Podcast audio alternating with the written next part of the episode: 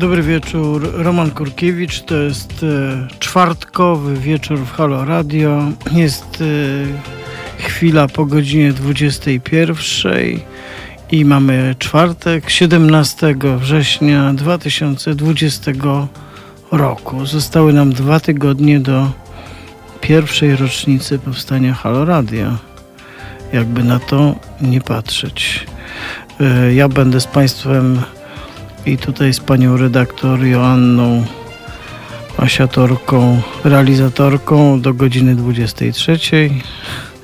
E, no i cóż, bardzo serdecznie wszystkich witam.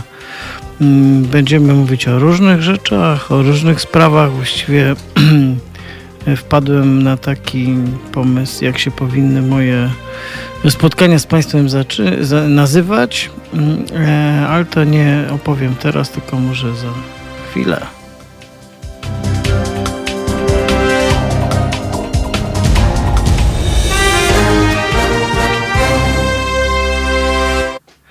Raz jeszcze dobry wieczór, Halo Radio, Roman Kurkiewicz. E, nie było mnie dwa tygodnie, ponieważ, jak to się mówi, byłem wyjechany i no, byłem na odludziu znaczy ludzie byli, ale, ale właściwie innych rzeczy już nie było, stąd, y, stąd ta wakacyjna nieobecność. Zacznę tradycyjnie, jakby to źle nie brzmiało, od lektury Eduardo Galeano, mojej y, książki, przewodnika po spotkaniach, a właściwie takiego wstępu. Jest trochę taka, trochę taka reguła tutaj.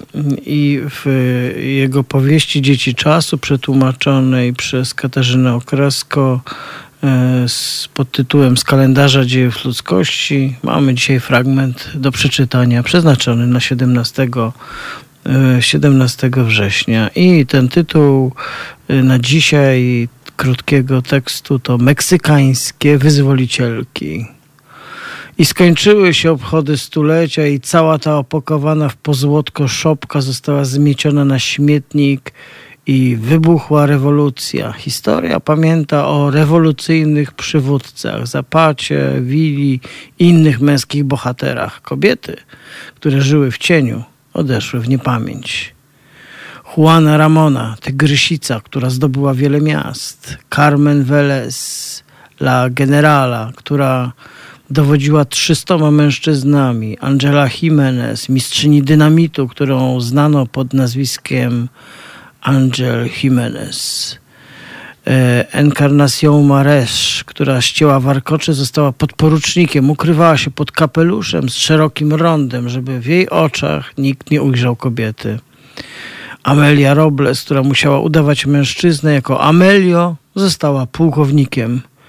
Petra Ruiz, która musiała zostać Pedrem, to ona wystrzeliła najwięcej kul, żeby otworzyć bramy miasta Meksyk. Rosa Bobadilla, kobieta, która nie chciała zostać mężczyzną i nie ukrywając tożsamości, walczyła w ponad stu bitwach. Maria Quinteras, która zawarła pakt z diabłem i nie przegrała ani jednej walki. Mężczyźni słuchali jej rozkazów. Wśród nich jej mąż. No, taka dzisiaj przypowieść Eduardo Galeano, wspomnienie o bohaterkach.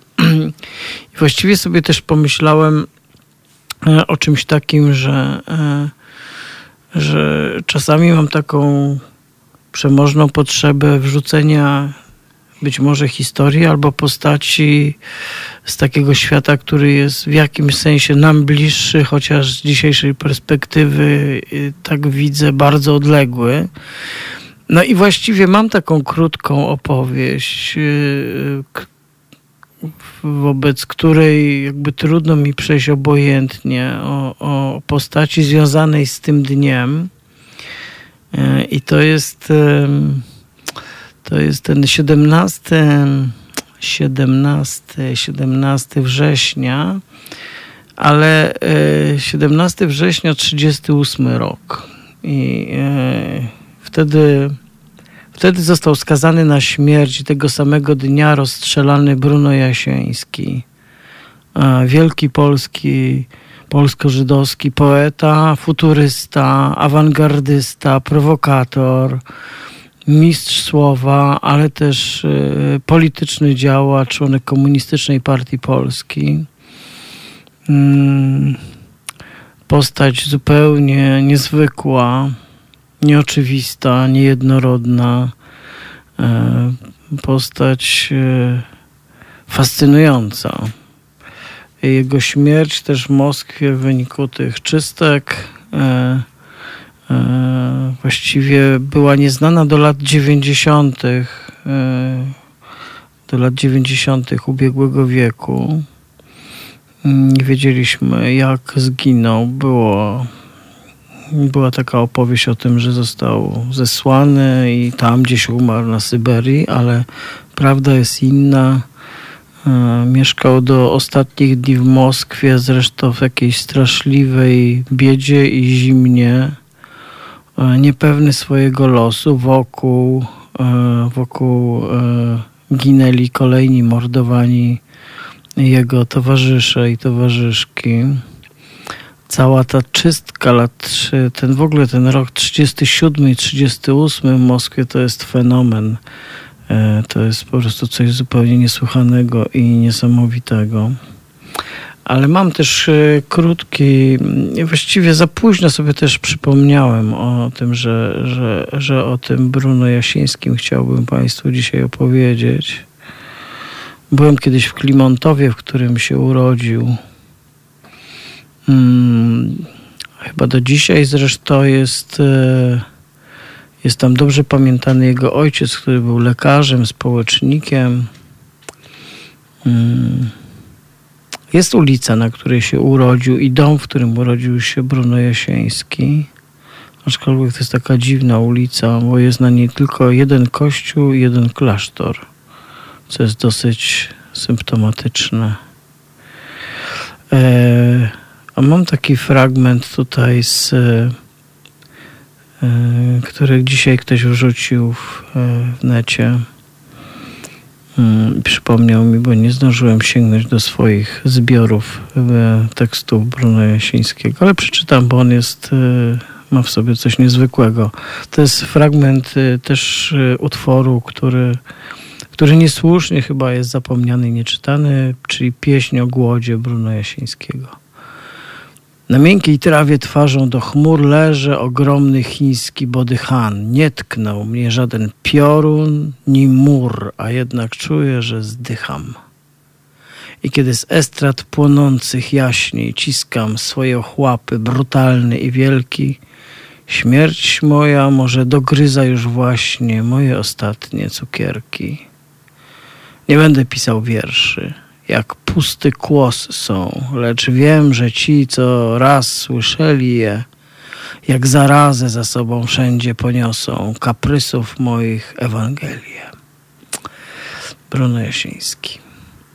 Jest też tak, jest też, jest też piosenka jakiego Jacka Kaczmarskiego na temat Bruno Jasińskiego, aczkolwiek jest tam sporo takich historycznych niedokładności. Są też biografie Jasińskiego. Ostatnio też wyszła biografia Jasińskiego. Tutaj nawet ją widziałem przed chwilą, ale akurat tej nie czytałem jeszcze.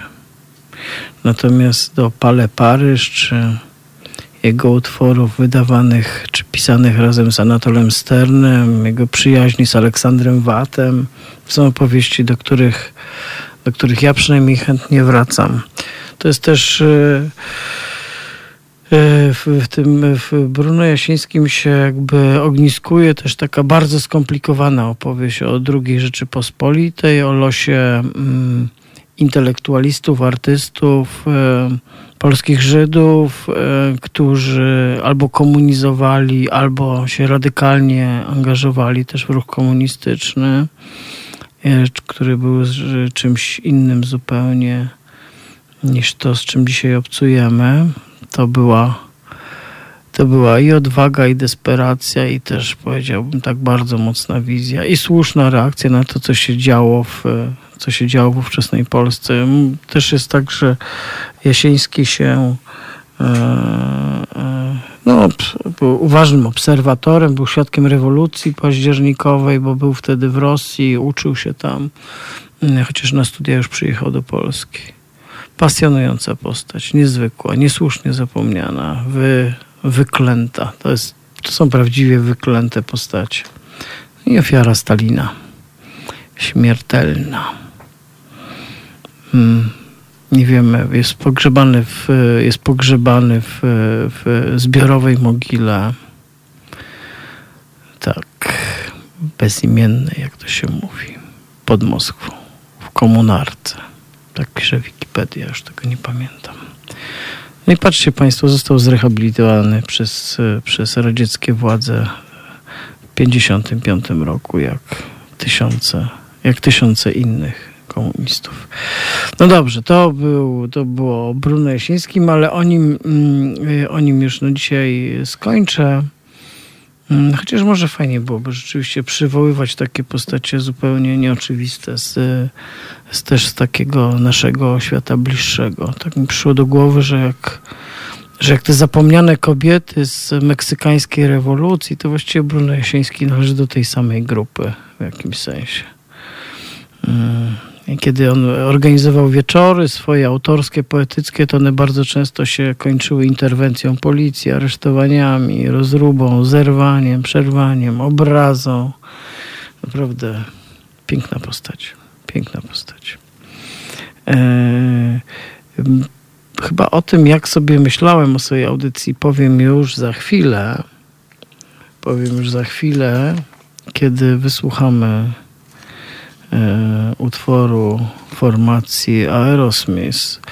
I wtedy powiem Państwu, jakie sobie to właściwie wszystko wyobrażam. Właściwie część, nie wszystko. To teraz Aerosmith, a potem w Halo Radio dalej nasz czwartkowy, prawda, nudziarski wieczór. Słuchajcie powtórki programu.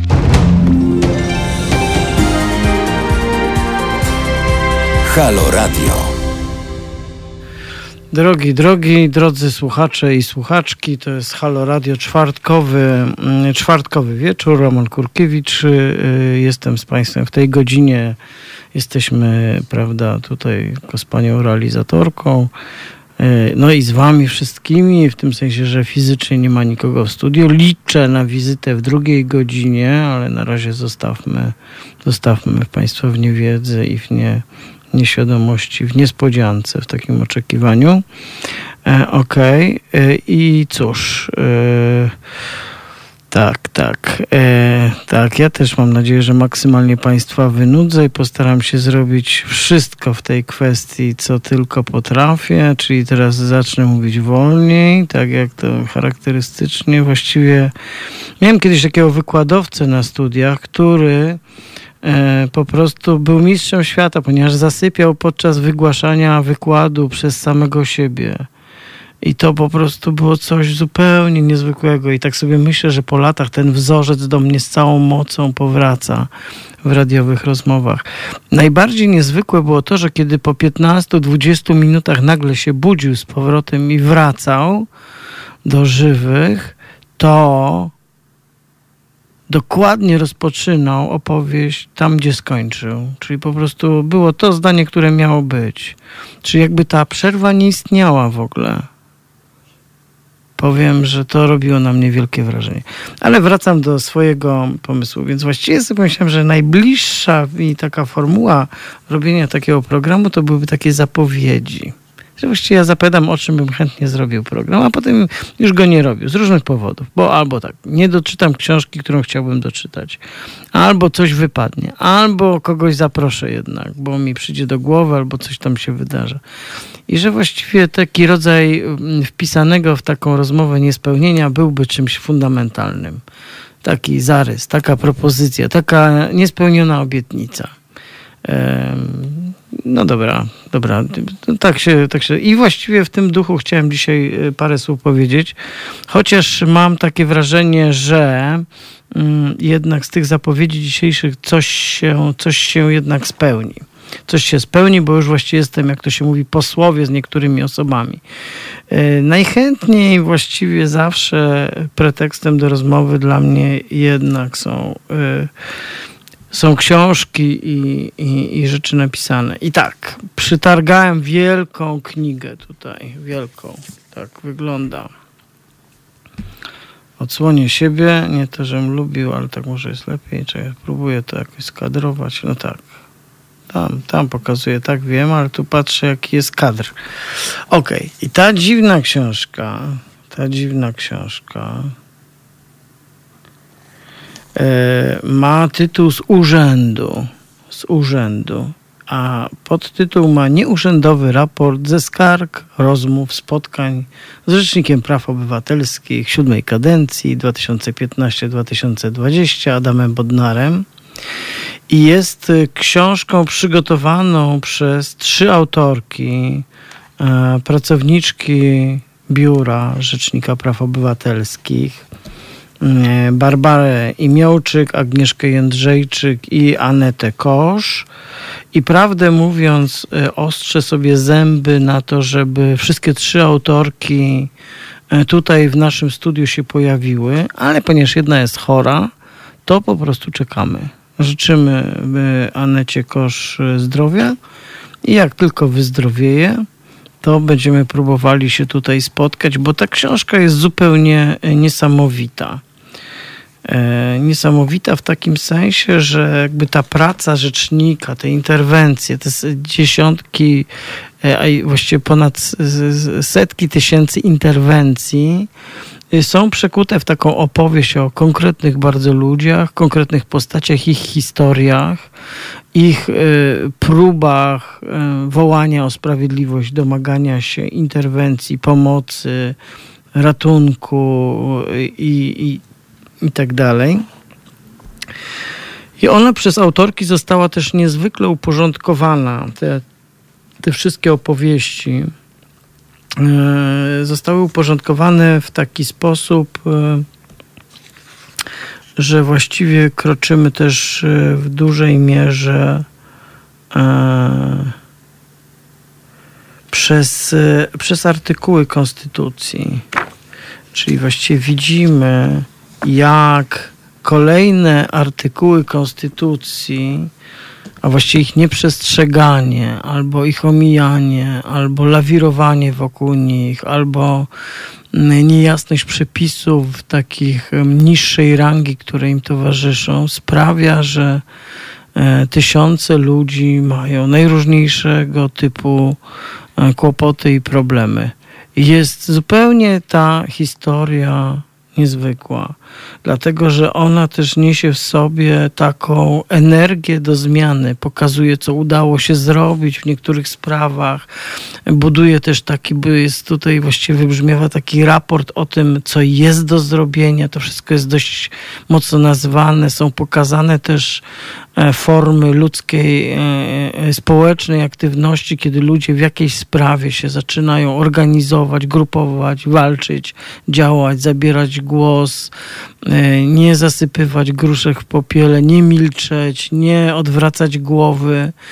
I w tym sensie, tak jak tutaj, tak, tak to, to jest rodzaj takiej Biblii, takiego nowoczesnego państwa, w którym, w którym tym tekstem, tym tekstem takim podstawowym, takim tekstem założycielskim, jak, jak dla, jak, jak, jak te teksty, prawda, w, w, mm, takie jak tutaj padło słowo Biblia, y, to, to, to, są, to są właściwie prawa człowieka i obywatela, tak? Czyli właściwie ta wizja państwa, jeśli już w ogóle jakieś państwo ma być, no to niech ono będzie zbudowane na takiej wizji, bo to jest wizja, która po prostu obejmuje wszystkich ludzi, e, stara się wszystkich ich e, ogarnąć swoją troską, pomocą, szczególnie wtedy, kiedy tworzą grupę słabszą, mniejszościową, albo grupę, którą e, dotyka jakiś rodzaj przemocy i tak dalej, i tak dalej. No, tak to właśnie wygląda. E, I cóż, cóż mogę jeszcze powiedzieć mm, o tej książce? Może tyle, bo może e, ta rozmowa mm, nam się uda wtedy, kiedy przyjdą autorki po prostu do nas tutaj. I wtedy możemy to podczytywać. Najciekawsze też jest tej całej historii to, że e, książka jest dostępna oczywiście w internecie każdy z Państwa może do tego tekstu sięgnąć. Po prostu na stronie, na stronie e, Rzecznika Praw Obywatelskich Przypomnijmy, że właściwie dzisiaj do, do, dociera do nas, nie wiem jaki jest stan rzeczy na teraz, ale że być może ta instytucja przechodzi do historii dzięki temu, że PiS formalnie nie mógł e, swojego kandydata wystawić, to w odpowiednim czasie nie zaproponował żadnego kandydata. E, kandydatka społecznych organizacji, blisko, siedmiu, blisko ponad 700 organizacji społecznych, które poparły Zuzannę Rudzińską Bluszcz, E, dzisiaj została negatywnie zaopiniowana przez Komisję Sprawiedliwości, za przeproszeniem, jeśli muszę użyć tego słowa w tym kontekście. Coś, to nie ma żadnego znaczenia. Będzie dzisiaj głosowanie w nocy ale e, szanse na to, że pani Zuzanna nią zostanie są niewielkie. E, problem dla PiSu był taki, że tę kandydaturę na Rzecznika Praw Obywatelskich musi e, zaakceptować Senat, który jak wiemy wciąż jeszcze ma minimalną przewagę opozycji, a nie PiSu. I dlatego PiS tu nie może po prostu przeforsować swojej osoby. Ale PiS już wymyślił, jak obejść obejść tę historię. Właśnie skierował wniosek do Trybunału Konstytucyjnego o to, żeby e, jakby zamknąć kadencję, czy kadencja jest zamknięta, ale jakby dalej pełni obowiązki Adam Bodnar, ponieważ e, nie wybrano nowego, nie wybrano nowego rzecznika czy rzeczniczki.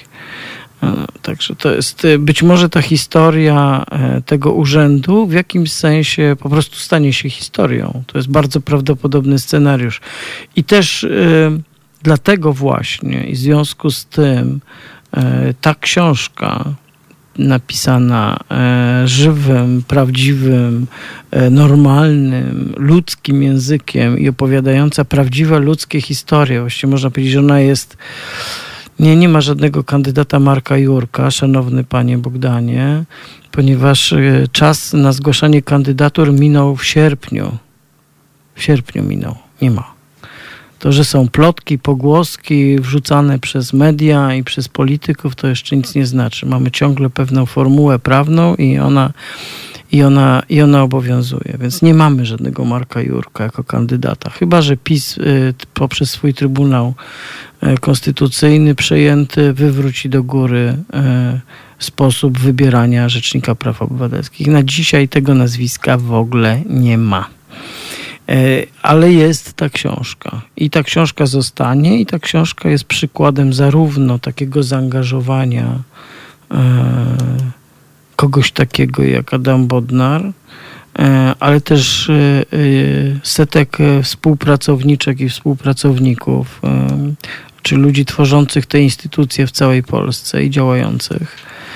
No i takiej niezwykłej też energii, którą tutaj się udało opisać i, i, i, i zebrać i podsumować i, i cóż, i bardzo, bardzo tę książkę polecam, chociaż można powiedzieć, że jej objętość jest no jest obszerna, ale być może to jest jedna z takich książek, na które warto poświęcić po prostu czas. Tak sobie myślę, że jeśli, nawet o tym pisałem jakiś tekst, że jeśli, jeśli mamy mieć jakiś taki dokument, który nas pchnie do myślenia o tym, jak Polska mogłaby wyglądać, czy jak powinna wyglądać, jakie reguły e, powinny nią rządzić, to to to jest taki punkt wyjścia, bo to jest raport z nieprzestrzegania konstytucji.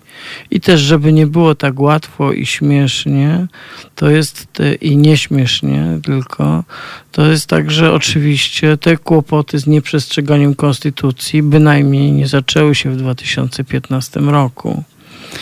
Można powiedzieć, że, że polska konstytucja od momentu, kiedy została mm, napisana i uchwalona w 1997 roku, po, po transformacyjna, po 1989 roku, to właściwie cały czas była w jakichś opałach. Tylko, tylko, często, tylko często o tym e, e, nie mówiliśmy. Czyli nie wszystkie naruszenia konstytucji e, po prostu były widoczne, ważne, zauważalne, słyszalne, nie wybrzmiewały. W tej książce nagle robimy taką autorki poprzez pracę rzecznika czy biura rzecznika zrobiły taką kwerendę poprzez wszystkie artykuły pokazały, jak te historie się przekładają na nasze po prostu zwykłe życie. To jest takie uczłowieczenie konstytucji. To jest niesamowite. Niesamowitą robotę wykonały autorki. Niesamowite. Dlatego też jeszcze raz e, przeczytam Państwu ich nazwiska, bo to jest ważne. Barbara Imiołczyk, Agnieszka Jędrzejczyk, Aneta Kosz. I jak mówię, wśród tych moich zapowiedzi. Mam nadzieję, że będziemy mieli e, możliwość spotkania się z nimi, kiedy to będzie po prostu fizycznie możliwe. I w tej sprawie postaram się tutaj Państwa nie zawieść i nie wymigiwać się z tego, i nie wymigać się z tego. Tak, tak właśnie taki jest plan. Taki jest plan. Zobaczymy, zobaczymy, jak to będzie. Dzisiaj głosowanie. Spodziewam się, że raczej Chociaż jak Państwo być może wiecie lub nie wiecie, jest spore zamieszanie, bo tam e, PiS się wycofał z procedowania ustawy pod tytułem Bezkarność Plus której chciał sobie zagwarantować całkowitą nietykalność za dokonywanie przestępstw, jeśli są one dokonywane również przez wysokich urzędników państwowych pod pozorem walki z koronawirusem. Ale postawił mu się Zbigniew Ziobro, który albo to jest, no jak myślę, element y, walki o swoje wpływy, które traci na rzecz, na rzecz Mateo Morawieckiego, naszego kłamczuszka, prawda, Pinokia. E, I cóż, więc różnie może być, różnie może być. Może być paradoksalnie bardzo z tym głosowaniem. Kto wie, bo jest potrzebna zwykła większość. Być może będzie tu jakieś rozprężenie, a być może jakiś gest polityczny. Kto wie. Proszę bardzo, jeszcze raz pokażę. Jest prośba, jest od razu, jest od razu reakcja. E, jak mówiłem e, na stronie Rzecznika Praw Obywatelskich, ta książka po prostu jest dostępna jako plik. E, więc można sobie ją ściągnąć, można ją czytać. No, myślę, że to jest też super ważne dla Państwa, że można to, że ta książka po prostu jest dostępna. Nie trzeba mieć jej w takiej formie, jak ja tutaj ją targam, dźwigam i się z nią zmagam i zajmuję miejsce na półkach, których i tak nie mam. Także to jest e, e, to jest taka, taka zachęta. Mam nadzieję, że zachęciłem. Tak. No, po prostu tutaj to jest. Można sobie ściągnąć na stronie. Jest plik dostępny, proszę bardzo. E, po prostu możecie Państwo sięgać, sięgać, sięgajcie i czytajcie z tego wszyscy po prostu. O, taka jest. A o kolejnych zapowiedziach powiem, powiem już za chwilę, a tutaj towarzyszka realizatorka powie Państwu, czegoż to wysłuchamy na ten czas. Englishman in New York, Sting. No proszę. Słuchajcie powtórki programu.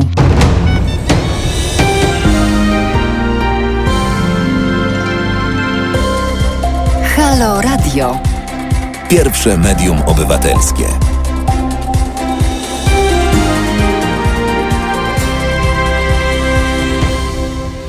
Halo Radio to jest e, czwartkowe spotkanie w czwartkowy wieczór 17 września 2020 roku. Jak już e, mówiłem na samym początku, za dwa tygodnie będziemy obchodzić pierwsze urodziny.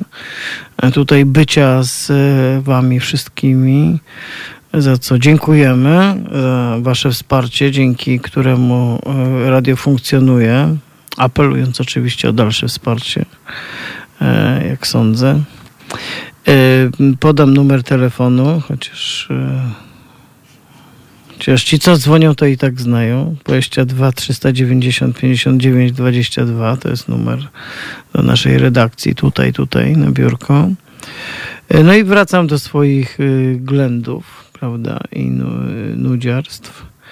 E, z gigantyczną radością mam kolejną książkę przed sobą i bardzo bym właściwie marzył, e, żeby porozmawiać z autorką. Aleksandra Lipczak e, napisała kolejną książkę, jej poprzednią książkę, bardzo bardzo piękną i niezwykłą Ludzie z Placu Słońca, wydaną przez wydawnictwo Dowód na istnienie.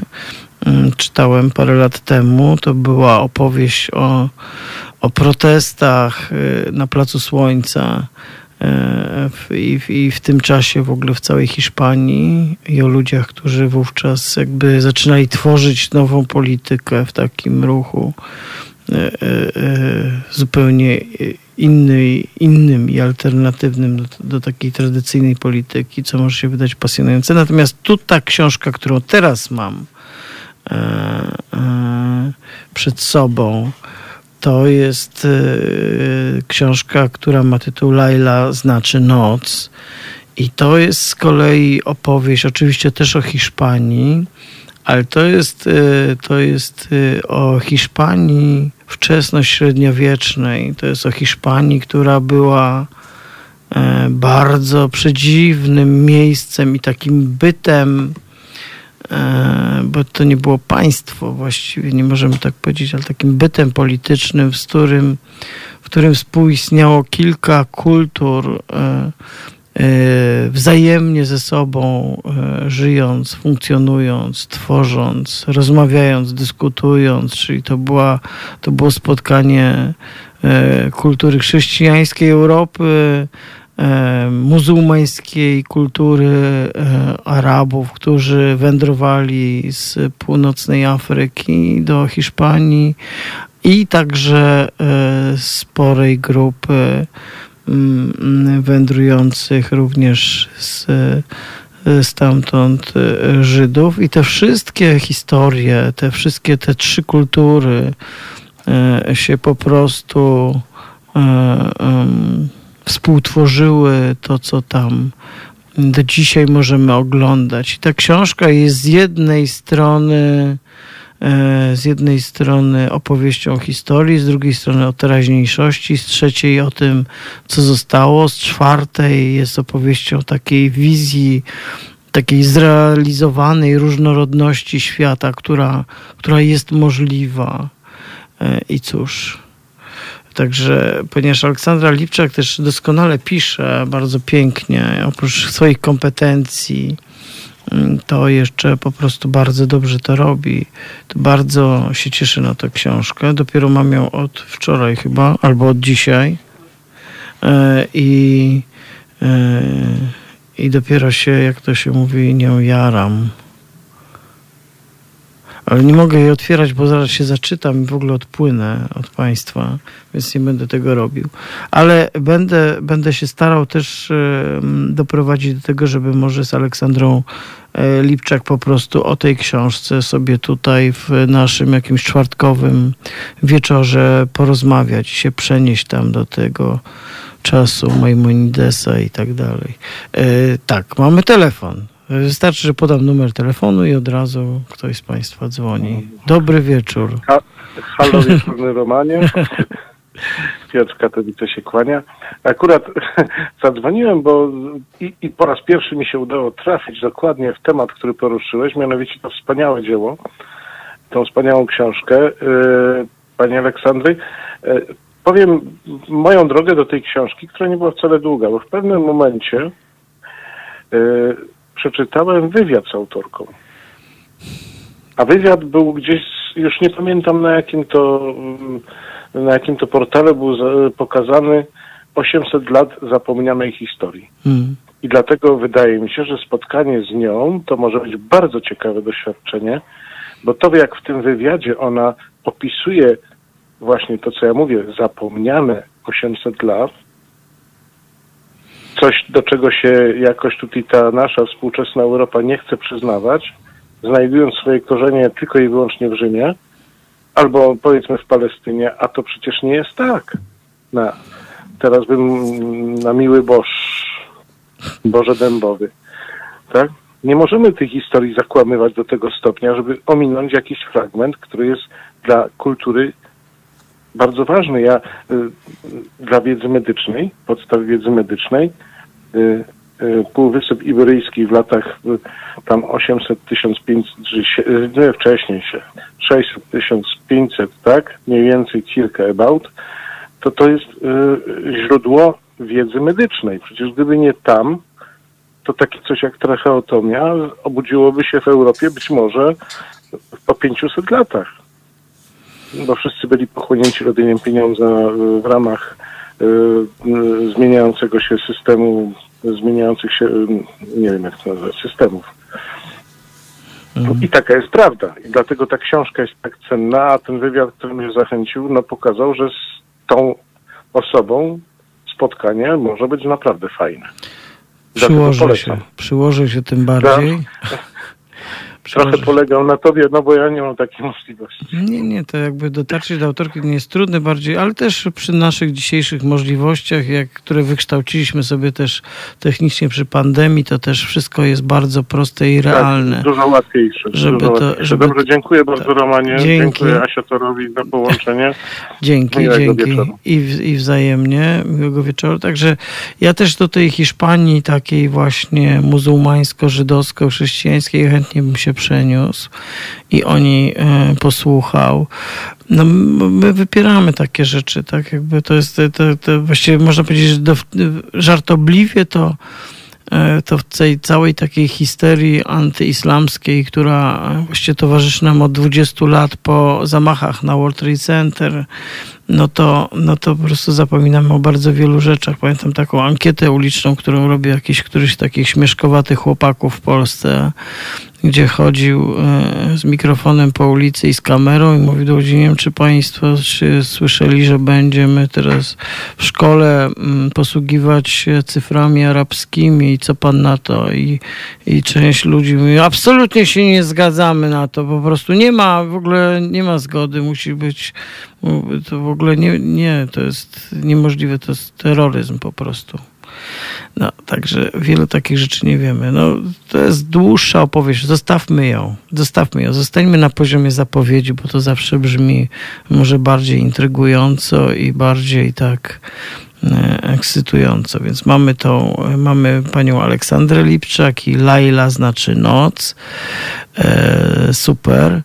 Mm, To będzie niezwykła opowieść. Ale mamy coś, bo właściwie tak, bo już miałem książkę, która mówi o teraźniejszości, czyli książkę z urzędu o, o dokonaniach i historiach związanych z pracami Rzecznika Praw Obywatelskich. Mamy historię 800 lat, e, 1000 lat do tyłu, uniwersalny fragment Europy wielokulturowej tak naprawdę i normalnie żyjącej kilkaset lat ze sobą. Tak?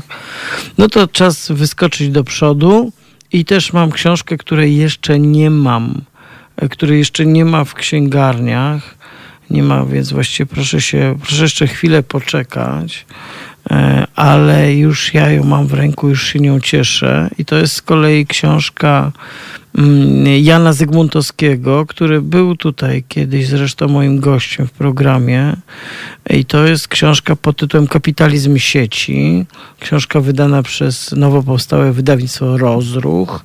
E, A Jan Zygmuntowski jest, e, mm, no jest takim młodym badaczem, ekonomistą, jest y, prezesem takiego think tanku Instrat, takiej fundacji, y, jest współpracownikiem wielu organizacji pozarządowych, jest wykładowcą akademickim i tak dalej. I, i tutaj on się zajmuje zajmuje się spojrzeniem na to, na nowe technologie i na te wynalazki i na to, jak gdyby co z nimi, co z nimi zrobił e, kapitalizm, jak one się w tym odnalazły, jak się umościły, jak nas zostawiły na lodzie.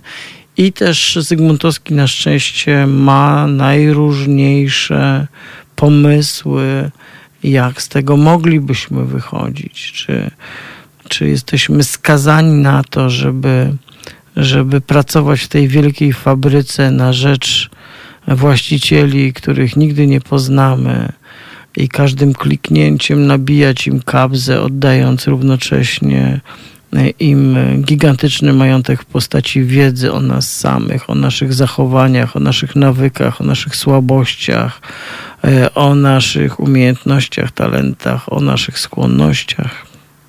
I tak dalej, i tak dalej. Ale o tym to też na pewno z Janem Zygmuntowskim tutaj porozmawiamy, bo on po prostu przyjdzie tutaj do nas i, i, wokół, tej, i wokół tej książki mm, myślę, że też bardzo ciekawa rozmowa e, będzie się, będzie się toczyła.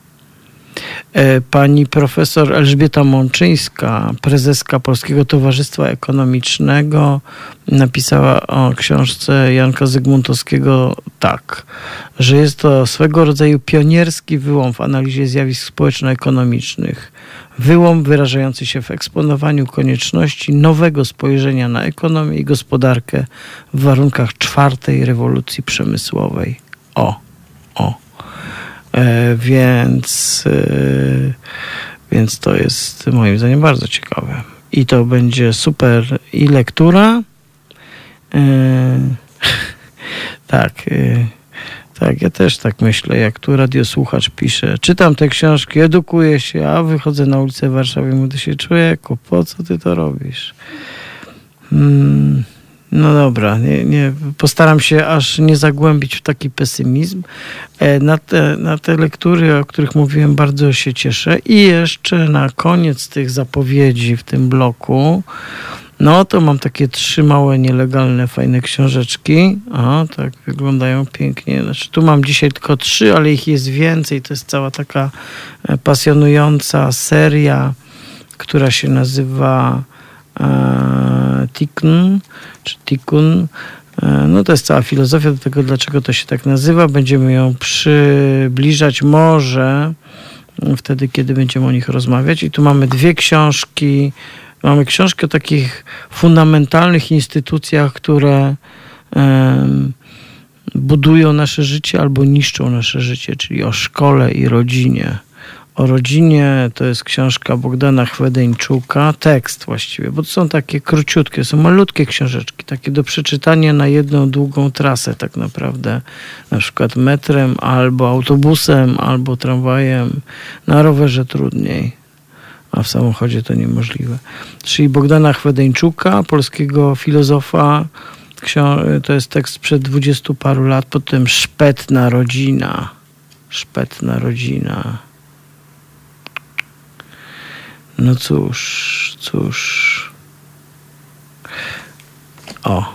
I, yy, I dwie książki o szkole, które są również taką instytucją yy, i opresyjną, i ciężko reformowalną, a, a strasznie ważną i zajmującą mnóstwo czasu i energii nam wszystkim. I mamy książeczkę Jacques'a Ranciera o nauczycielach, którzy nie wiedzą.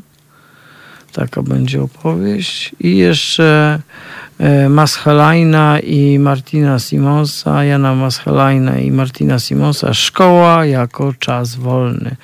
Ale mm, do rozmowy o tych książeczkach będę chciał zaprosić osoby, które nad ich powstawaniem pracowały i które opowiedzą jakby o zamyśle, który sprawia, że ta mała biblioteczka Tikkun, ona po prostu buduje pewien bardzo ciekawy, dość alternatywny sposób y, patrzenia na, na, y, na naszą rzeczywistość społeczną, polityczną, osobistą i tak dalej, i tak dalej. Bardzo krytycznie też na to patrzą. Jakby to są wszystko książki, które i czy książeczki, czy teksty, które można o nich jasno powiedzieć, że otwierają oczy na coś, czego wcześniej e, bardzo często nie widzieliśmy.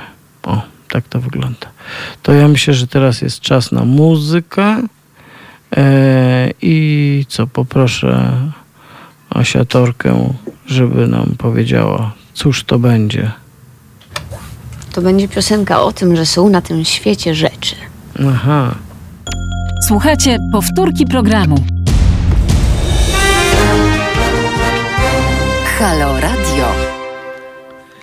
E, Halo Radio, czwartkowy wieczór, minęła godzina 22, właściwie już parę minut po 10 prawie.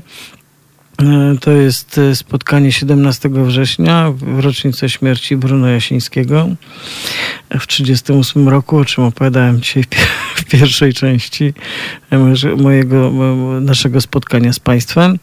E, No a teraz przechodzimy od trybu zapowiedzi, zapowiedzi tego, co kiedyś tutaj będzie w programie, do, do powitania mojego gościa. Jest, jest już Jan Mencfel z nami, e, aktywista e, e, kulturalny i, i społeczny i miejski, współzałożyciel e, Stowarzyszenia Miasto jest Nasze. No i też człowiek, który różnymi miejskimi rzeczami w sposób bardzo aktywny i ciekawy i ważny się zajmuje. I, i e, będziemy dzisiaj rozmawiać. e, No właśnie, mamy dwa tematy, nie? Bo mamy, będziemy rozmawiać o. Jak to powiedzieć? Jak, się, jak to znaleźć? No, może, może wprost najlepiej. Wprost, o sikaniu i, i sraniu No niech będzie. No. w mieście. E, A właściwie o niemożliwości robienia tego. Bo, Tak. bo zrobiliście taką e, e, akcję e, przed paroma dniami, mm, e, informując o tym, że powstała specjalna aplikacja, tak, RPP, która informuje o tym, gdzie można. no nawet no, bardziej. Nawet Bardziej. Możesz, może aplikacja polega na tym, że ty możesz swój, swój kibel wynająć komuś. O, o. Przez, Po prostu. po prostu masz kibel i go udostępniasz. Ktoś tam sobie idzie ulicą, otwiera sobie telefon, patrzy tam, o, Tu. tu Halo Radio. kibelek, tam halo radio, fajnie, no, ogląda, mówi, dobra, wchodzę. Klika na, na telefonie, tobie się wyświetla, że za minutę będzie u ciebie tam, Że wiesz, kibel ma być wolny. Bogdan i kibel ma być wolny. No i Bogdan przychodzi, mówi dzień dobry, ja tutaj Ja rezerwowałem. I, I mówisz, a no patrzysz Proszę na bardzo. telefon, zgadza się, widzisz. Dobra, proszę bardzo. Rzeczywiście, mam I tutaj potem w aplikacji tam on klika i dostajesz tam kasę. ocenę. Kasę. Ocenę ci, kasę oczywiście, tak, płaci. No. Oczywiście od transakcji nie ma żadnych podatków, bo to jest przecież... No, bo tylko- to jest między nowoczesna wami. technologia. O tym dzisiaj rozmawialiśmy, bo zapowiadałem książkę Janka Zygmuntowskiego Kapitalizm sieci. To doskonale się wpasowuje, bo to jest o tych strategiach opowieść.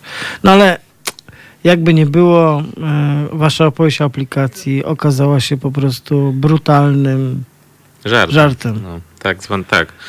Yy, Mamy, telefon. mamy, telefon. mamy telefon. Uwaga. No, jak się porusza tak ważne sprawy, to natychmiast słuchacze dzwonią. Dobry wieczór. Dobry wieczór, dobry wieczór. Znowu Piotr. E, Cześć Piotrze. I, Jeszcze raz. tak, cześć. E, ja, to, to temat jest świetny, bo temat jest rzeka. Można tak O, powiedzieć. Rzeka. A- Rzeka- A, tuż mianowicie, Aktualnie tak, tak. to jakby rzeka, rzeka ekstrementów. E, tak wracamy troszeczkę do średniowiecza. Ale to taki żart jest, może nieudany. E, bo y, od ładnych parunastu lat biorę udział w projektowaniu przestrzeni miejskich i temat toalet publicznych, dostępnych, czystych, nieśmierdzących to jest temat rzeka, a zarazem temat potwornie zaniedbany. Włodarze miast jakoś nie widzą specjalnie problemu w tym, że ja, ja mogę na przykładzie naszego miasta, tu od razu powiem na przykładzie Katowic powiedzieć, że toalety publiczne zniknęły, no bo a ta podziemna, a ta siaka, a ta No tak taka, rynek ta chciał. owaka. No i ja akurat rynek to, wiesz, to rynek to ja mam przetrzepany ojej, ojej, do bólu. Koordynowałem ten projekt. Ale tak wolny rynek chciał. Ale akurat rynek w Katowicach to jest taki wolny, wolny. Taki wolny, słabo wolny. No, bo właściwie wszędzie przestał być wolny. Wszędzie to tak wygląda niestety, że e, przestrzenie miejskie y, są jakby pozbawione kompletnie takiej prostej, podstawowej usługi, bo przecież to nie chodzi o to, że facet z prostatą musi się wysikać, tak? Ale każdy ma potrzeby fizjologiczne. Czasami, jak jest gorąco, trzeba się też umyć. No i ja bym powiedział generalnie, Fajny w tym kraju, tak, ten odgłos ma to, ma to znaczenie. Generalnie w tym kraju to się po prostu nie zauważa. No to właśnie tu Janka zaprosiłem, bo Janek... Ja zauważyłem. tak, Janek, Janek i ekipa Janek za, nie, no, zauważył. on zauważył i bardzo słusznie, bardzo słusznie. Jest to inicjatywa naprawdę głęboko e, sensowna, bo skoro włodarze nie potrafią, no to ludzie się muszą zorganizować. Od bezpłatnie, a dlaczego nie?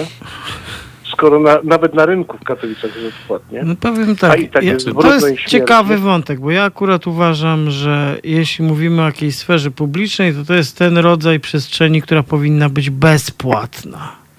Prawdę mówiąc, y, y, mam życiowe Ja doświadczenia, Dobrze, że... Romanie, nie chcę, nie, chcę, nie chcę zgłębiać tematu, bo każda metoda jest dobra. To jest tak jak dyskusja na temat płatności za usługi medyczne, czy na przykład za telewizor w pokoju. Y, Dobra, Mm.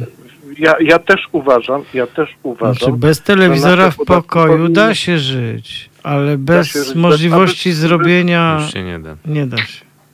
No właśnie, kulturalnie ale, to się nie da. No właśnie. ale to jest pytanie, mm, to nie chodzi tylko o to, czy te usługi powinny być bezpłatne, czy płatne, bo to jest jakby wtórna Tylko czy dyskusja. są? Tylko czy one powinny być, czy to powinna być usługa publiczna, toaleta, Ja uważam, czy że powin... tak. No właśnie, i to Ja uważam, chcieliśmy właśnie też powiedzieć tą akcją, bo tak tutaj były pytania, Dobrze, jak, dziękuję, dziękuję. Dzięki, dzięki, dziękuję. Romanie, Dziękujemy bardzo. Dzięki. Dzięki. były pytania też, e, jak się nazywa aplikacja. Aplikacja się nazywa RP&P, czyli rozwinięcie RP&P tak naprawdę.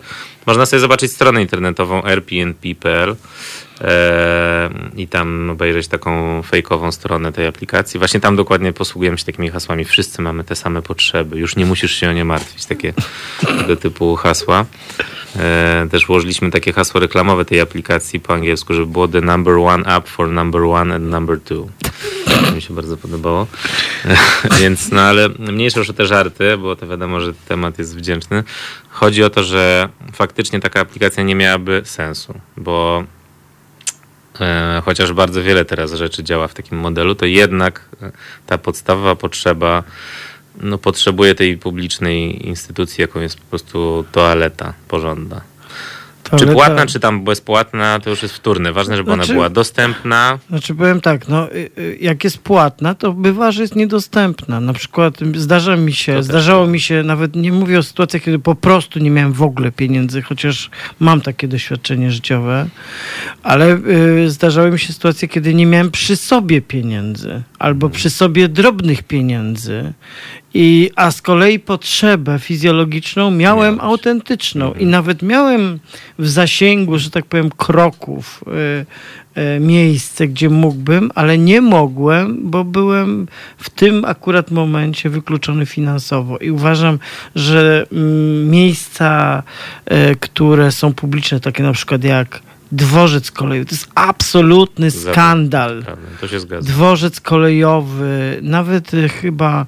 No Stacja i- metra. tak, ale w, w ogóle takie miejsce, takie miejsce, które w ogóle Mhm. pełnią też Urząd. po prostu. Tak. No tak, ja tu się akurat zgadzam. z- Ja pamiętam, dzisiaj mówiłem o historii, o historii, o historiach opisanych w książce, w tym raporcie Rzecznika Praw Obywatelskich. Pamiętam kiedyś z kontaktów z biurem, kiedy mi opowiadano o, o człowieku, który złożył skargę na bank, Mhm. który miał toaletę, ale podczas obsługiwania go nie udostępnił temu człowiekowi tej toalety. To był starszy człowiek y, i on po prostu, mówiąc wprost, się zesikał w gacie, co było po prostu skrajnie upokarzające dla niego doświadczeniem. E, I pamiętam, że Rzecznik Praw Obywatelskich zajął się tą sprawą i e, na drodze sądowej, wydaje mi się, udało się dojść do tego, że sąd wydał wyrok, że bank ma obowiązek, czy w ogóle instytucja, która kogoś obsługuje, ma obowiązek i ma tą toaletę. Ja też mam e, dzieci, tak, więc e, moje doświadczenie, czy w ogóle nie tylko moje, ale matek głównie, które krążą po mieście z dziećmi i nagle, bo z dzieckiem to nie jest tak, że dobra, Można no to poczekać. wytrzymaj, nie ma jakichś 15 minut, czas jest po prostu, liczy się w sekundach. więc, y, więc no to jestem ciekawy, jaki jest, jaki jest opowiedz ty teraz, jaki jest oddźwięk tej, tej, tej waszej akcji, tej prowokacji, takiej niewinnej, ale jednak uderzającej w rynek. No. No przede wszystkim sporo osób się nabrało. No tak. To jest ciekawe, bo myśleliśmy, że jednak nikt się nie nabierze, ale trochę się ludzi nabrało. E, ale myślę, Pytali, że ciekawe... gdzie się pobiera, tak? Tak, czy tak, na Androida dlaczego- jest też, tak, czy na tylko na przykład, iPhone'a, właśnie, tak? No i czy będzie płatna, czy bezpłatna i tak dalej. No więc takie różne Ale tak, e, jeżeli chodzi już o ten oddźwięk na to, jak ujawniliśmy, że to jest żart i że w gruncie rzeczy chodzi nam o te toalety, to ludzie nam zaczęli przysyłać. A, bo jeszcze e, też zrobiliśmy taką mapkę toalet publicznych, które tam ze strony miasta ściągnęliśmy. Oni wcześniej mieli, ale nie działała na komórce. To też bardzo przydatna mapka toalet, która nie działa na komórce, więc jesteś na ulicy, to nie możesz sprawdzić, gdzie jest toaleta. Więc już teraz możesz, bo na stronie mapy rpnp.pl jest ta dostępna ta mapka. No i na przykład ludzie zaczęli nam przysyłać, e, że na, że na przykład wiedzą, że gdzieś jeszcze jest toaleta, i że, albo że na przykład wiedzą, że nie ma toalety tam, gdzie myśmy zaznaczyli, nie? Czyli ludzie mają taką świadomość, że te usługi są po, po prostu są potrzebne. Ludzie z tego po prostu korzystają, z tych, które są. Bo na przykład okazało się, że nie wiem, któraś tam na przykład już nie funkcjonuje, a jeszcze rok temu działała, nie? I to są tego typu sytuacje, które pokazują, o czym się właśnie na co dzień nie mówi. I jakbyśmy normalnie powiedzieli, no wiecie, jest trochę za mało toalet publicznych w Warszawie, to pewnie nikt by się tym nie zainteresował. A powiedzieliśmy to w taki sposób, że nagle ludzie się zainteresowali i stwierdzili, rzeczywiście, jakbym był skazany na taką aplikację, to bym może miał kłopot z tym, no bo kto by mi ten kibel udostępnił tak naprawdę. To by w ogóle był chętny, żeby udostępnić swój prywatny, e, swoją prywatną toaletę w mieszkaniu. No i właśnie tu jest rola, nie wiem, samorządu, państwa, instytucji publicznych, żeby te potrzeby zapewnić, te, których rynek nie zapewni po prostu. No to jest, to jest, ale zobacz, właściwie dyskusja o kiblach publicznych się w Polsce nie odbyła. One nie. zniknęły po cichu, bez słowa. Potem zostały wynalezione na nowo przez, przez obrotnych Wietnamczyków, którzy wszędzie pozakładali, mówimy o Warszawie, tak, mhm. ale nie, pewnie Państwo wiecie też, jak jest w innych miastach, tak, że właściwie w tych wszystkich takich klasycznych miejscach, wielu z nich, po prostu te przestrzenie z infrastrukturą zostały zagospodarowane na nowo i okazało się, że mogą pełnić funkcje zupełnie inne. To jest niezwykłe, ale równocześnie po prostu zniknęły toalety, ich dostępność, ich, ich, ich, e, ich po prostu przewidywalność, możliwość znalezienia. Mhm. No są w nowych kościołach, czyli w galeriach handlowych, tak jednak. No tak, ale galerie jednak też tak. nie działają całą dobę. Nie. nie Więc to nie, jest nie. po pierwsze. A po drugie, rzeczywiście były takie nawet w Warszawie, a myślę, że w wielu innych miastach takie nawet duże, takie szalety publiczne. I to właściwie wszystko poznikało. To jeszcze w PRL-u prawdopodobnie większość z nich powstała, a potem w latach 90. stopniowo zamykano albo, nie wiem, tam wynajmowano na jakieś inne funkcje, bardziej rynkowe właśnie. No bo pewnie taka toaleta Ale jest trochę najpierw, nierentowna. No nie? najpierw upadały, tak słowo rentowność no w tej sprawie to to jest jakby tak... Ale tak myślano prawdopodobnie. Tak, tak, no to się musi... Taki to, pawilon no będzie się marnował To musi toaletę. na siebie zarobić. No. To musi przecież to jakby... Albo nie, nie ma, prestiżowe. Nie ma darmowych defekacji, jak mówiła Margaret Thatcher. Nie no, więc tak, no pewnie myślę, że nie jedna osoba, nie jeden taki tam burmistrz, czy, czy nie wiem, jakiś prezydent pomyślał sobie, ale w centrum miasta toaleta, to kibel? Kibel? To, przecież to musi być prestiżowo, tak. przecież to biznes przyjeżdża, no nie będą chcieli u nas nic robić, bo my toaletę mamy na, na, gdzieś na rynku na przykład, nie? Nigdzie teraz, w którym mieście na przykład na rynku jest dostęp do publicznej toalety. No ja nie mówię, że ta toaleta ma stać na środku tego rynku, tak? bo to nie o to chodzi. Chociaż można zaprojektować super ładny budynek, nie wiem, obiekt, który jest toaletą. No, są, takie, są, takie, są takie nowoczesne toalety, do których strach wejść, takie kosmiczne. No. W Paryżu pamiętam takie toalety, ale z kolei tu opowiadałem ci w przerwie tą moją anegdotę z Manhattanu, mhm. kiedy mnie przyjaciel oprowadzał po Manhattanie szlakiem jest, gdzie można się, prawda, swoją potrzebę fizjologiczną. Zaczęliśmy od Central Parku, powiedziałbym w przyrodzie, no to już mówię, no ale też mniejsza z tym, ale potem na przykład właśnie e, załatwiałem swoją potrzebę w najbardziej luksusowej toalecie w życiu, czyli w wieżowcu Donalda Trumpa. E, I, i, I to nigdy w takich warunkach tego nie, tego nie robiłem i nie wydaje mi się, że będę jeszcze robił. I to było tak, że tam y, chyba knajpę zamykano, bo ona chyba nie była całodobowa ta toaleta, ale było tak, że chyba knajpę zamykano tam o 20 albo o 21, bo tam była restauracja, a kibel był jeszcze czynny do północy albo coś takiego. Więc to i tak jakieś. To była jedyna dobra rzecz, którą Trump w życiu zrobił. Może nie miał, nie miał świadomości. A może nie wiedział, może tak, to, może to. Że tu w jego toalecie za darmo ktoś? Tak, tak. No to było niesamowite. Tu było w jakiejś księgarni na przykład też.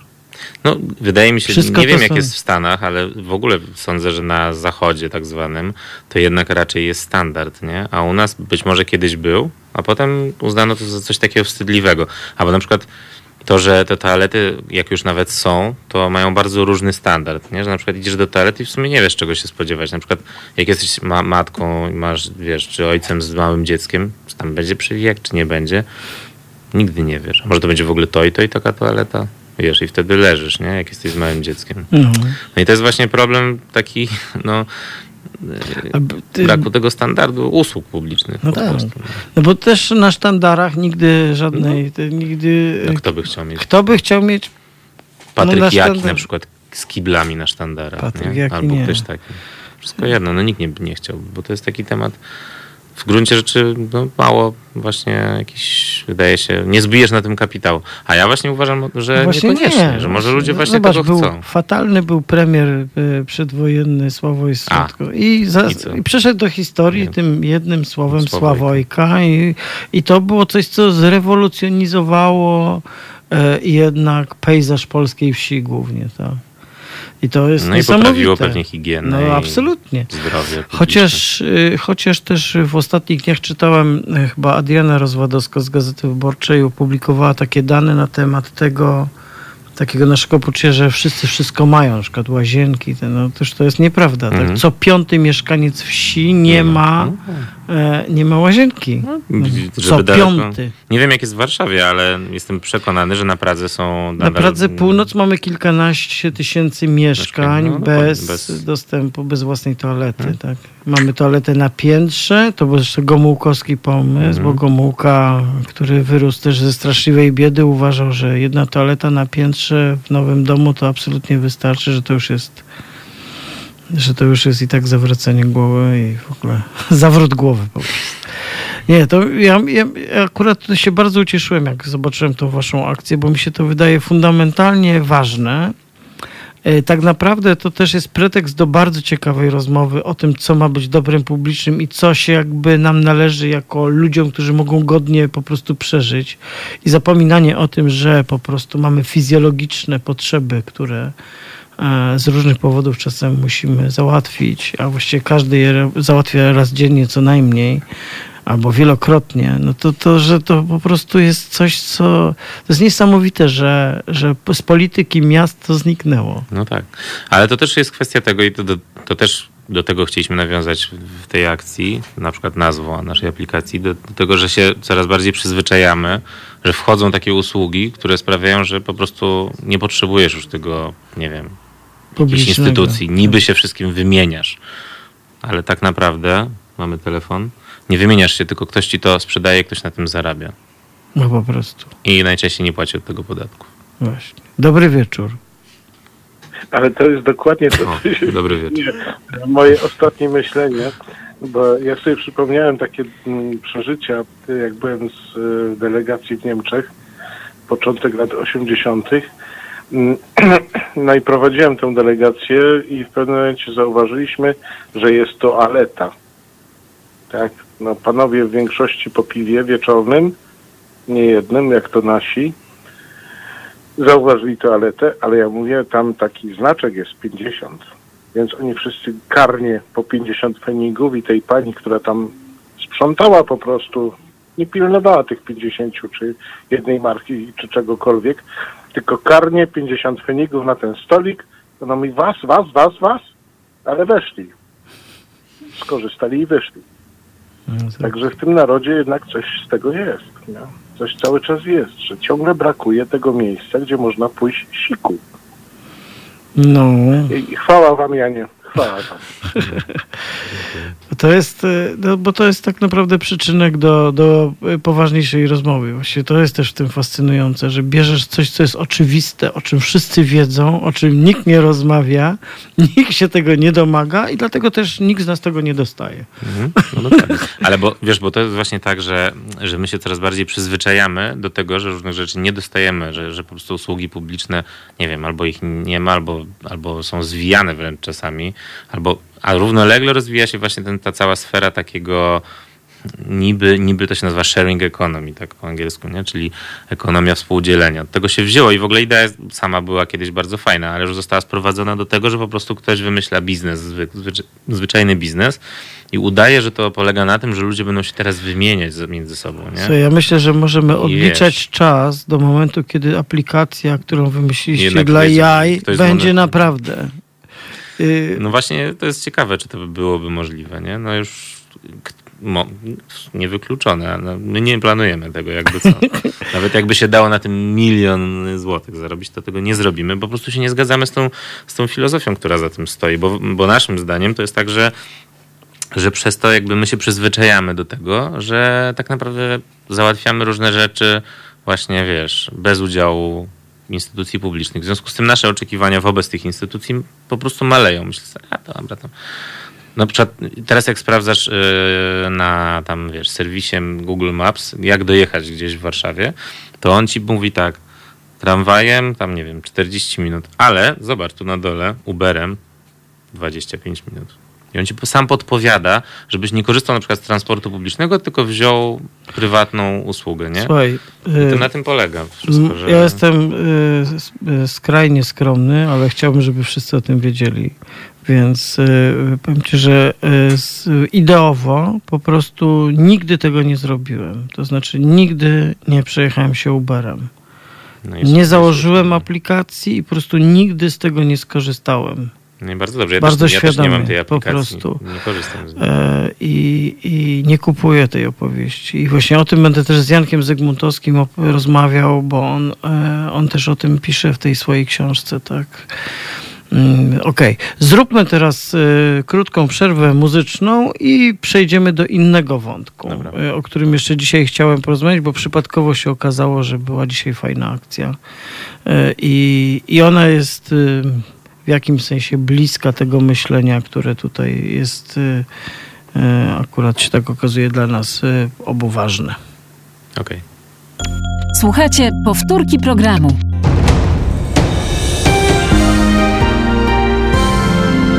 Jutro. Prawdziwy, niepokorny i zawsze stojący po stronie krzywdzonych ludzi. Radosław Gruca, dziennikarz i publicysta, zaprasza Państwa na wspólne dwie godziny wypełnione prawdą, o którą dziś bardzo trudno. Radosław Gruca w Halo Radio od 21 do 23. www.halo.radio. Słuchaj na żywo, a potem z podcastów.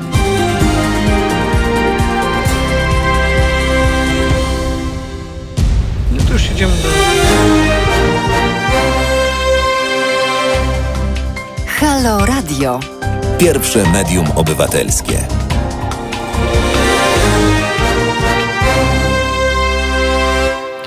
E, to już jak e, powiedziałem w przerwie, jedziemy do końca. E, to jest Halo Radio, czwartkowy wieczór, 17 września 2020 rok. Roman Kurkiewicz. Moim gościem i rozmówcą jest Jan Mensfeld, aktywista, animator kultury, prowokator miejski też i, i aktywista miejski. Rozmawialiśmy o tej akcji z z, która uruchomiła, czy być może ma szansę uruchomić dyskusję o tym, czy dobrem publicznym powinny być na przykład toalety publiczne. Y, bardzo ważna dyskusja moim zdaniem i y, po prostu umówmy się, wszyscy to robimy. Miejmy szansę to zrobić w mieście. A moim zdaniem jeszcze miejmy szansę to zrobić za darmo. I w ludzkich warunkach. I po prostu w super warunkach. Yy, tak. Godnie. Nie takie pieniądze miasta marnują, żeby ich nie było stać na zapewnienie i mieszkańcom, i gościom, i turystom, i innym osobom, które przebywają w mieście po prostu tej, tej potrzeby. A teraz przeskoczmy do innej historii, bo się przy okazji okazało, że po pierwsze dotkniemy słowa betonoza, a betonoza to jest też tytuł książki twojej, która się ukaże za miesiąc. I to też się wpasowało w nasz cykl zapowiedzi, czyli zapowiadam Państwu, że Jan Mencol będzie naszym gościem w tym programie i będziemy o jego książce Betonoza rozmawiać e, dłużej i dogłębniej ale ponieważ jestem przed lekturą, to jeszcze nie. Natomiast dzisiaj miała miejsce akcja, tak małe odbetonozow, odbetonozowanie. Odbetonozowanie. Tak, na Stalowej, tak. czyli na Pradze Północ, ulica Stalowa. Na której mieszkam. legendarna, piękna, niezwykła, e, na której drzewa e, umierają stojąc Tak. i cierpiąc I wysychając. i, i wysychając i y, rozumiem, że odbyła się pe, pewien typ akcji party, partyzancko, Tak. zielona partyzantka. Taka, tak, zielona praska partyzantka, niegroźna dla ludzi. No nie wiem, to jest, wiesz, te płyty, te płyty zostały zerwane, czyli właściwie No tak, ukradzione, no, czyli myślę, właściwie że- to jest wandalizm, czyli właściwie to jest samowolka, kurwa, budowlana. Sprawa dla prokuratora. No. To absolutnie. Znaczy moim zdaniem Generalnego najlepiej. tak. Może, może Zbigniew Ziobro, jak nie będzie miał już co robić, wrzucą go wreszcie z tego, z tej koalicji, to się zajmie tym. Tak, więc po prostu zerwaliście, tak? Bruk Tak, na jakiejś tym... Ale chciałem podkreślić, że żadna płyta Nie nie, zostało ucierpiała szko- podczas tego Płyty były zdejmowane w rękawiczkach. Ręka- białych rękawiczkach. białych rękawiczkach. Kulturalnie, przy pomocy oczywiście narzędzi. Narzędzi. Ale powiem szczerze, nie chcę tutaj oczywiście nikogo zachęcać do działań tego typu. Chociaż Dlaczego? w sumie dlaczego nie? Mogę. Zachęcam. Tak, Ponieważ zachęcajmy, nie okazało bójmy się, tego. że w półtorej godziny rozpłytowaliśmy 5,5 metra ulicy, tak 5,5 na metr, między dwoma drzewami, co jest bardzo ważne, bo te drzewa na Stalowej to są robinie akacjowe, to są drzewa pancerne, które naprawdę robinie potrafią przetrwać wszystko, ale niestety no, klimat mamy coraz e, gorętszy, mamy coraz większe susze, e, no i mamy ten wszechobecny beton, który jest bez sensu często. I te drzewa po prostu mają za małą powierzchnię, którą mogą absorbować wodę. I myśmy dzisiaj na przykład odkrywając te płyty, odkryli, że pod tą płytą, pod tymi płytami chodnikowymi po prostu biegnie korzeń drzewa, który jest po prostu uwięziony pod tymi płytami. I to drzewo wypuszczało ten korzeń, jakby szukając gdzieś, nie wiem, miejsca, gdzie on wreszcie do czegoś się przyda, ale nie, by, ale nie udało się, bo dalej był wszędzie beton. No więc o to chodzi, że często myślę, że dużo osób obserwuje, jak usychają im drzewa na ulicy. No i to nie, to nie jest bez przyczyny. To nie jest tak, że my jesteśmy na to skazani, tylko to jest często tak, że my tym drzewom po prostu nie pomagamy rosnąć. Bo nam się wydaje, że nie wiem, jak będzie kawałek trawnika przy ulicy, to nie wiem, co będzie źle, albo to nie będzie wyglądało tak miejsko, prestiżowo właśnie znowu. Poza tym wiesz, jak, jak się tak rozkopie, to tam nie można zaparkować. A, Na zielonym, bo jak już jest zielony, Wiadomo. No to jest podstawowa sprawa, że musi być gdzie zaparkować. Teraz, tak, naruszymy teraz y, te najważniejsze interesy polityczne, bo się mówi, że Prawo, pomyśliwych, konstytucyjne prawo przede wszystkim do... pomyśliwych, którzy są najpotężniejszą formacją ponadpartyjną, polityczną w Polsce, kolejna to są parkujący e, kierowcy. No, chciałem powiedzieć, że dzisiaj koło nas taki pan sobie parkował i tak zaparkował, popatrzył, powiedział, O, nie no, do, Fajnie. dobrze, dobrze robicie w sumie, nie? No nie, no ładnie a kto wam za to płaci? A to nie, akurat no, do, tego, do padło, tego nie doszło. Nie doszło. Nie, właśnie było, Ale to rozumiem, też chyba gdzieś przeczytałem w opowieści o tej akcji dzisiaj, że to oczywiście jest tak, że wcześniej były te No próby, tak, jasne, no. Tak, te, te słynne próby, o których się zawsze mówi, a dlaczego tak, dlaczego tak prowokujecie, dlaczego samowolka, nie można napisać, przekonać, uargumentować do odpowiedniej wadzy i wadza na pewno tak. zrozumie wagę tego problemu i sama rozkopie. Otóż nie rozkopuje, No nie rozumie. Właśnie to jest, na tym to polega, że władza jak widzi, c- często jest tak, że bardzo szybko potrafi wykonać różne manewry, no chyba, że akurat mieszkańcy o coś proszą, to wtedy najczęściej 4 lata, 5 lat, bo tyle okazało się dzisiaj, dowiedziałem się, że sąsiadka z ulicy Stalowej już 5 lat temu pierwsze pismo napisała, że te drzewa nie mają się najlepiej i że trzeba by tam może zdjąć trochę tego betonu. No to 5 lat nie wystarczyło, żeby, wykonać taką operację. No i dzisiaj mi tam zarząd dróg miejskich nam napisał w komentarzu, że no, no, że przecież oni właśnie planują to zrobić, że tylko że oni jeszcze nie mają wszystkich pozwoleń. No i jakby nie chcę oceniać, czy rzeczywiście tak jest, ale no nie chce mi się wierzyć, że 5 lat nie można po prostu rozpłytować kawałka chodnika wzdłuż ulicy. To nawet nie, za, nie No, nie zabiera jest miejsca. po, no nie, ale jest potrzebny projekt, są Mhm. potrzebne wymiary, jest potrzebny mapa tego, co jest pod spodem. Czy ty grabkami, którymi podważasz tą płytę, nie uszkodzisz kluczowego dla miasta w tym trudnym momencie awarii, Albo jakiegoś kamienia. awarii, wiesz, y, oczyszczania puszczalni Czajka, w tym trudnym momencie ty tymi grabkami nie uszkodzisz Nie. kolejnego kolektora albo po prostu ważnego węzła i nie sprowadzisz groźby katastrofy ekologicznej na miasto. No właśnie, no więc chciałem teraz podać przykład e, miasta, które może się nie różni tak aż bardzo od Warszawy, czyli się- Rotterdamu. I się odważnie rozkopało? No mało tego, oni po prostu zrobili taki film instruktażowy dla mieszkańców, jak rozkopać sobie ulicę samemu. Po prostu taki film. Pokazali tak. Patrzcie, to jest wasza ulica, nie? I teraz patrzcie co. Wyjmujecie płyty chodnikowe normalnie, tam je składacie gdzieś tam, my je od was w ogóle odbierzemy, jak je złożycie tutaj. I sadzicie rośliny. No takie i takie rośliny będą dobrze rosnąć. Tutaj musicie zwrócić uwagę na to. No i róbcie to, bo potrzebujemy więcej właśnie przestrzeni zielonych, potrzebujemy lepszej retencji wody, bo mamy coraz większe susze. I, no i teraz już zostawiamy wam wolną rękę, mieszkańcy, działajcie sobie, nie?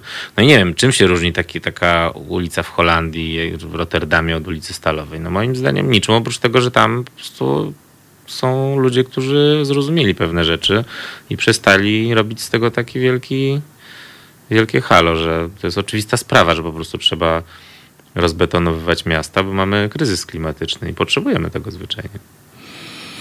Ja pamiętam, wiesz, bo to jakby ta rewolucja e, na różnych poziomach się odbywa. Pamiętam, oglądałem takie filmy e, z Holandii z lat 60., kiedy one pokazywały ruch drogowy, e, jakby obecność cywilizacyjną rowerów, nieistniejącą, a właściwie podobną do naszej dzisiaj. Tak. I to, co tam się wydarzyło, no to to jest po prostu powiedzieć, że zjawiskowa zmiana to jest nie powiedzieć nic. Tak? Więc być może w takiej sprawie też, czyli odchodniczania, od pozbywania się tej betonozy, to też jest ten, ten kierunek dobry. Nie? I to niestety musi się tak zaczynać, że ludzie wezmą chodniki, płyty we własne ręce, bo jak nie, no to to będzie trwało w nieskończoność. No.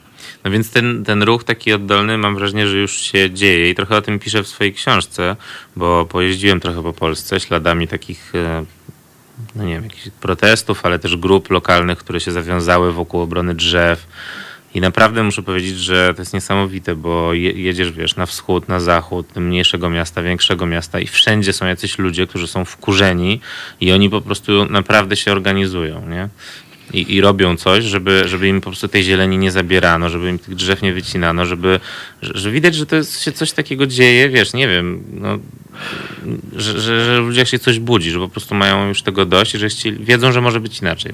Słuchaj, y, z takich anegdot warszawskich, to tutaj też kiedyś mieliśmy taki program fajny. ym, y, Rozmawialiśmy o Róży Luksemburg i o takim spacerze śladami Róży Luksemburg w Warszawie, gdzie ona y, spędziła kilka lat y, ucząc się jako mała dziewczynka i nastolatka, aż stąd wyjechała. I potem zresztą też wracała i między innymi tym punktem, y, jednym z tych miejsc, które odwiedzaliśmy jest dzisiejszy plac Dąbrowskiego w samym centrum Warszawy, który przed wojną nazywał się Placem Zielonym. Tak. Ja widziałem pocztówki z tego, e, z tego, e, z tego, z tego miejsca. To po prostu był las. Tak. To było po prostu jak Park Saski to wyglądało. Tam było drzewo przy drzewie. W ogóle jakby, wiesz, jakby widok na plac zaczynał się nad koronami drzew. E, To było zupełnie niesamowite. Nie? To jest w ogóle też mm, coś dziwnego, że, że to nie jest, że, że, że na przykład te przestrzenie zielone w miastach były. Że, że, że kiedyś, nie wiem, lepiej rozumiano niż teraz tak naprawdę, że ta zieleń w mieście jest potrzebna. W XIX wieku właśnie powstawały takie zielone place w Warszawie, nie wiem, albo na przykład plac bankowy. Kiedyś to był zielony plac, tam były drzewa normalne, wiesz, w XIX wieku jeszcze, nawet w połowie XIX wieku. Czy tam, czy tam wiesz, e, ulice jakieś, Aleje Jerozolimskie na przykład. Aleje Jerozolimskie miały oryginalnie, chyba miały cztery szpalery drzew. A teraz to po prostu idziesz, nie wiem czy w ogóle da się iść alejami jerozolimskimi, to, bo to raczej służy do jeżdżenia ta ulica. Ale, mm, no nie wiem, oprócz palmy, która jest sztuczna, to tam naprawdę tych drzew jest jak na lekarstwo.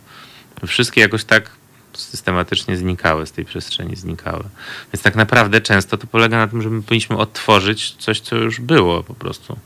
I wrócić do jakichś tam pomysłów, które, wiesz, są no, nie, nie są innowatorskie, tylko po prostu odeszliśmy od nich w pewnym momencie.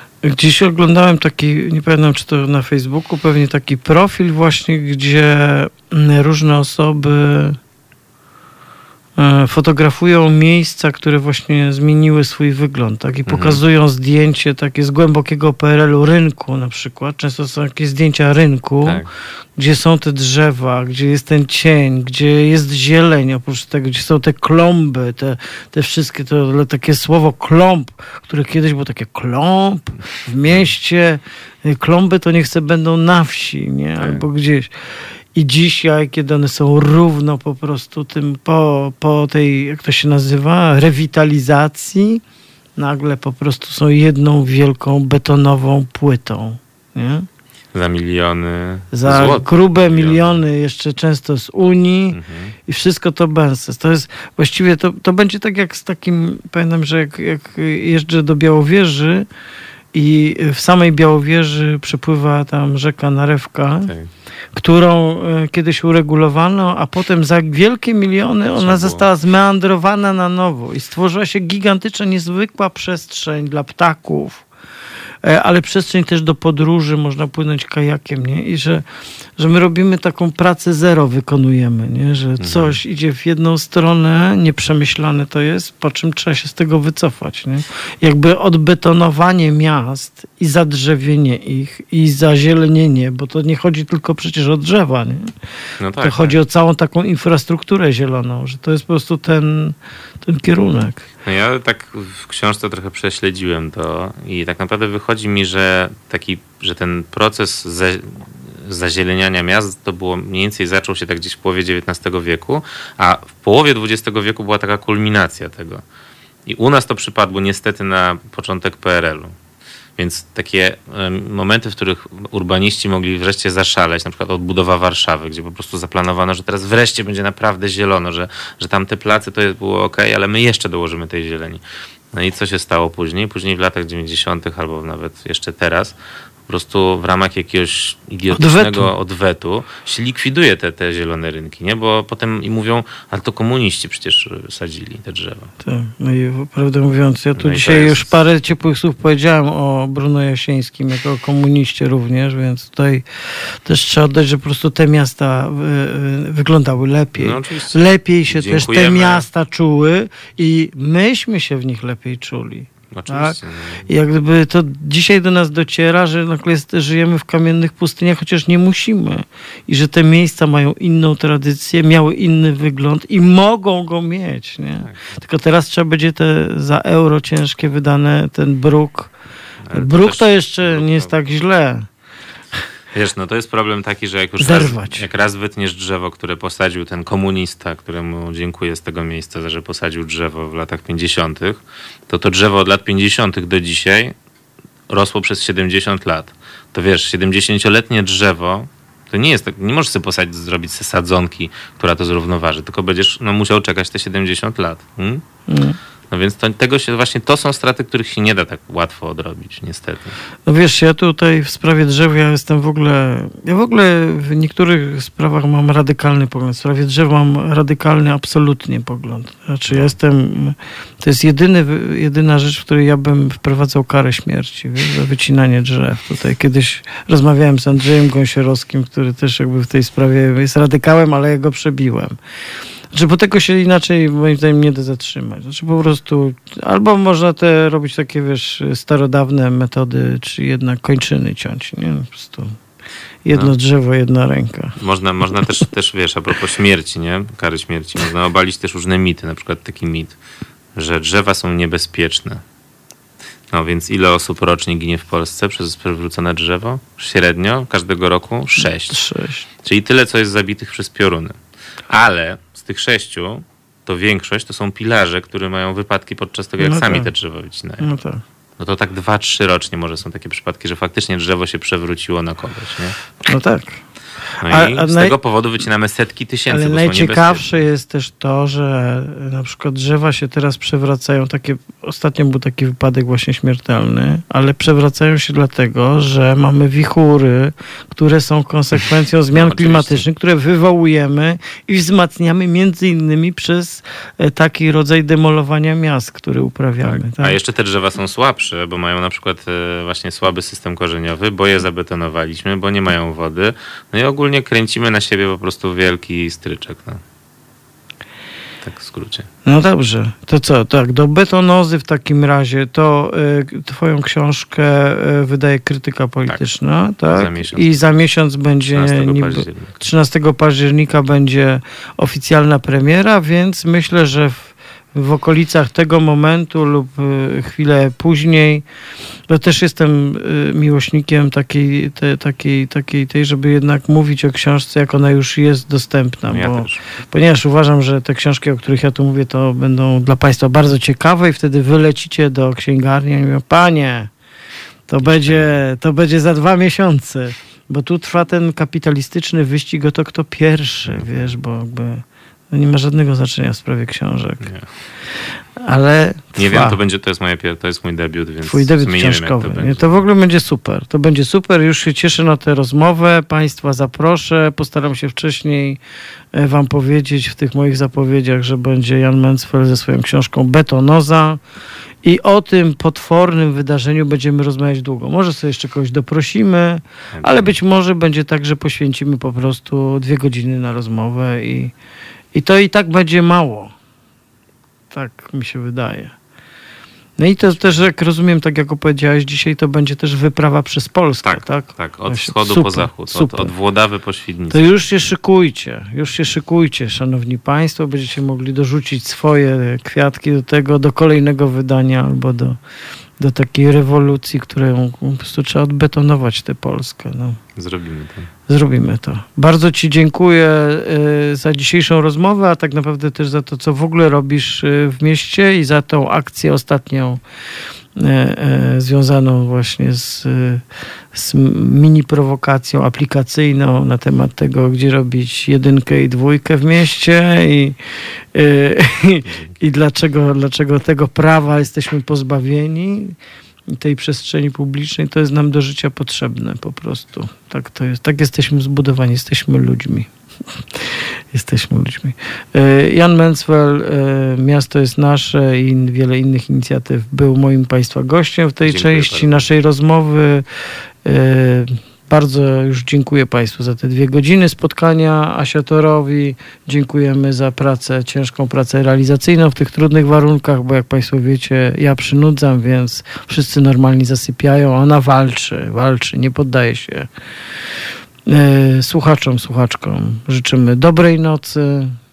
No i za tydzień słyszymy się, widzimy się my, a jak wiecie, radio jutro od 7 rano będzie na żywca znowu z Wami.